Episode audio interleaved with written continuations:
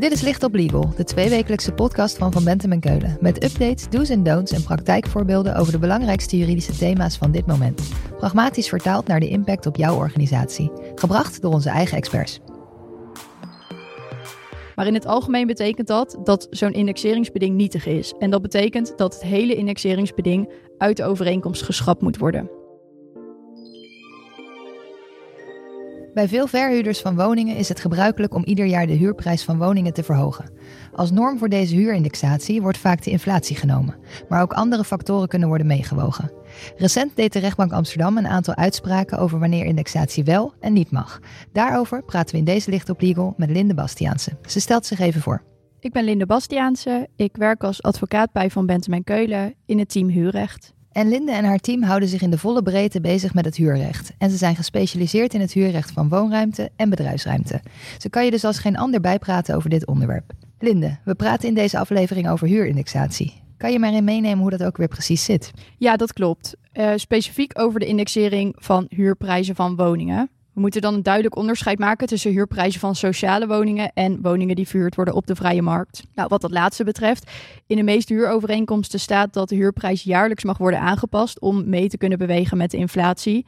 Dat noemen we ook wel een indexeringsbeding. Hoe werkt dat nou? Als er een indexeringsbeding in die huurovereenkomst staat, dan mag de verhuurder één keer per jaar de huurprijs verhogen. Meestal is dat gelijk aan het indexeringscijfer dat wordt vastgesteld door het Centraal Bureau voor de Statistiek, CBS. En het CBS stelt dan vast hoeveel de inflatie over het afgelopen jaar was. Aan de hand daarvan kunnen verhuurders dan berekenen met hoeveel zij de huur mogen verhogen. En in sommige huurovereenkomsten staat dat dit zelfs nog met een paar procent extra mag worden verhoogd. Nou, om dat te beperken heeft de overheid de afgelopen paar jaar een maximum ingesteld, namelijk het inflatiecijfer of loonontwikkelingscijfer plus 1%.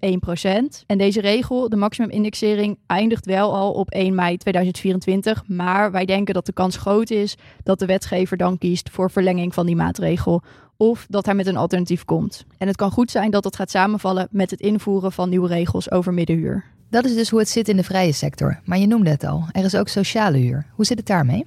Voor sociale huur wordt dan elk jaar vastgesteld met welk percentage de huur maximaal verhoogd mag worden. En er zijn verschillende percentages afhankelijk van de vraag of het bijvoorbeeld om een zelfstandige woning gaat of om een verhuurde kamer. En dan wordt er ook nog onderscheid gemaakt naar het inkomen van de huurders. En als het gaat om een hele lage huurprijs, dan kan er soms nog extra worden verhoogd. Nou, met die regels onderscheidt het woonruimtehuurrecht zich van de verhuur van bedrijfsruimte. Daar kennen we namelijk geen maximale percentages. Maar vandaag hebben we het alleen maar over de indexering van woonruimte. Duidelijk.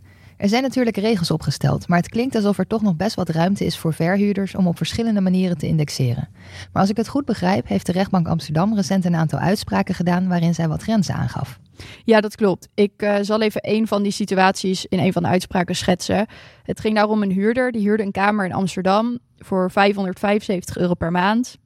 En in de huurovereenkomst is een indexeringsbeding opgenomen waarin dan is vastgelegd dat de huurprijs elk jaar mag worden verhoogd volgens het indexeringscijfer van het CBS.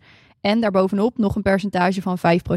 En de verhuurder mocht dan het moment kiezen waarop die nieuwe huurprijs inging, maar hij moest wel een maand voordat de verhoging inging de huurder daarover informeren.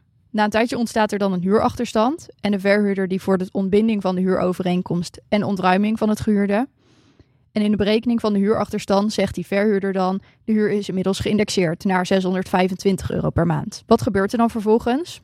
Als het gaat om een algemene voorwaarde, dus dat is een standaard beding dat tegenover meerdere huurders wordt gebruikt, tussen een professionele verhuurder en een consumenthuurder, dan onderzoekt de rechtbank ambtshalve, dus dat betekent uit zichzelf en zonder dat een partij daar een beroep op hoeft te doen, of die clausule misschien oneerlijk is tegenover de huurder.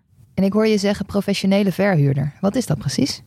Uh, ja, dat is een verhuurder die handelt in de uitoefening van zijn beroep of bedrijf. Dus niet een particulier die een tweede huis heeft en dat verhuurt.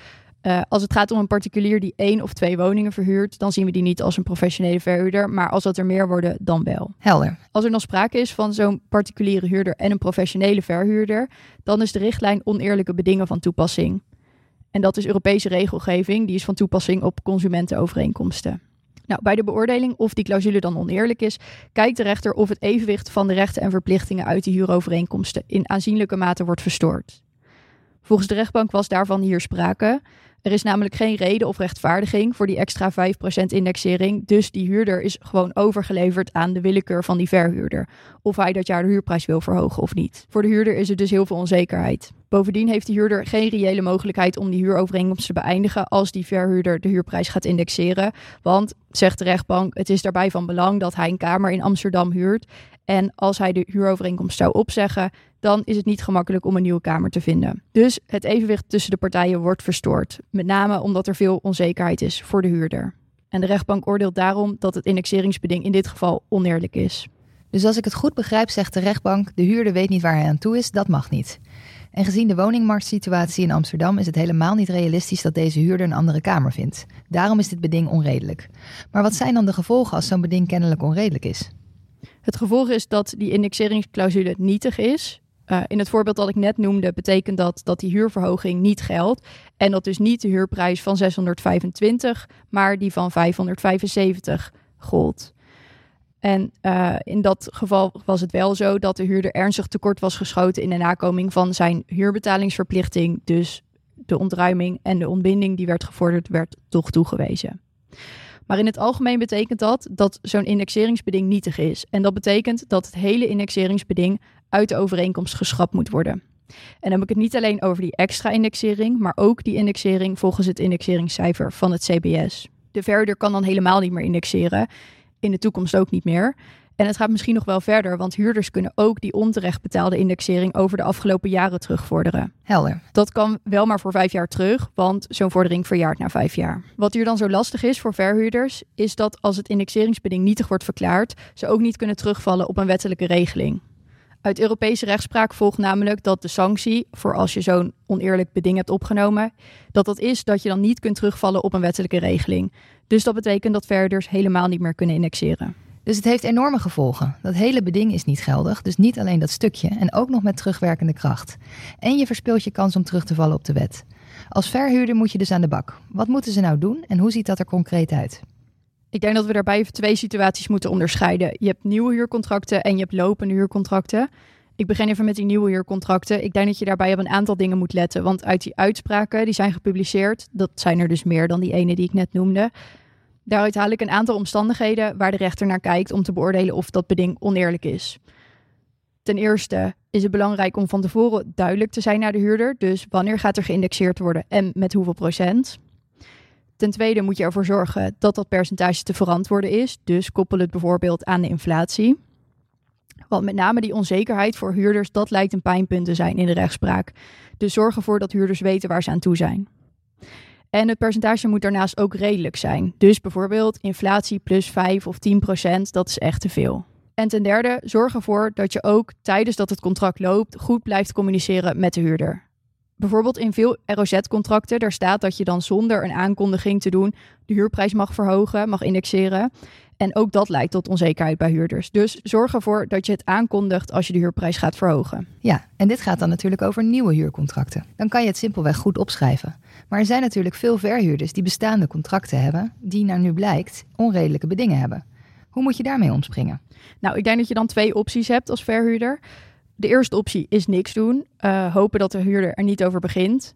Je kunt dan gewoon blijven indexeren volgens dat percentage dat de overheid heeft vastgesteld.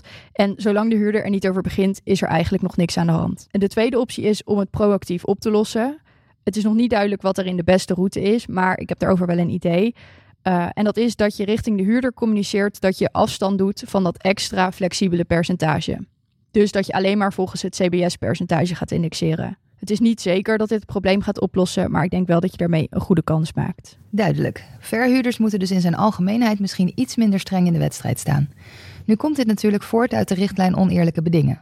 Dat klinkt als een containerrichtlijn. Moet ik ook kijken naar andere bepalingen in mijn huurcontract? Ja, eigenlijk wel.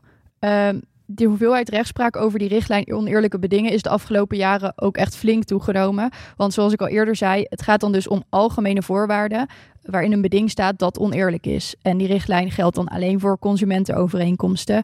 Dus tussen een professionele verhuurder en een particuliere huurder. Naast die indexeringsbedingen doorstaan ook veel boetebedingen die toets van de rechter niet, want veel boetebedingen worden nietig verklaard. Stel bijvoorbeeld dat je een huurovereenkomst hebt en daarin is opgenomen dat het verboden is om de woning te verhuren als Airbnb. En daar staat dan een boete op van 10.000 euro, onverminderd het recht van de verhuurder op schadevergoeding. Zo'n beding kan dan als oneerlijk worden aangemerkt, want die boete is vrij hoog. Stel bijvoorbeeld dat je maar één dag hebt verhuurd en dat je dan meteen 10.000 euro moet betalen. Dat is veel. Daarnaast heeft de verhuurder niet alleen recht op boete, maar die kan ook nog schadevergoeding vorderen. Dat is eigenlijk dubbelop. Daarom zien we de rechtspraak terug dat zulke boetebedingen vaak als oneerlijk worden aangemerkt. En het gevolg is, net als bij oneerlijke indexeringsbedingen, dat het hele beding nietig is. Dus als je een heel uitgebreid boetebeding hebt, dan is het hele beding nietig. En dan kan een verhuurder geen betaling van de boetes vorderen. Maar een verhuurder kan ook niet meer terugvallen op de wettelijke schadevergoeding. Dus eigenlijk weer net zoals bij die oneerlijke indexeringsbedingen. Een boete kan dan oneerlijk zijn als die te hoog is, maar ook bijvoorbeeld als die per dag is opgelegd en dat die geen maximum heeft, of als je voor dezelfde gedraging meerdere boetes kunt opleggen. En nu heb ik misschien wel zo'n type beding in mijn contract. Dan toch weer de vraag: hoe spring ik hiermee om als verhuurder?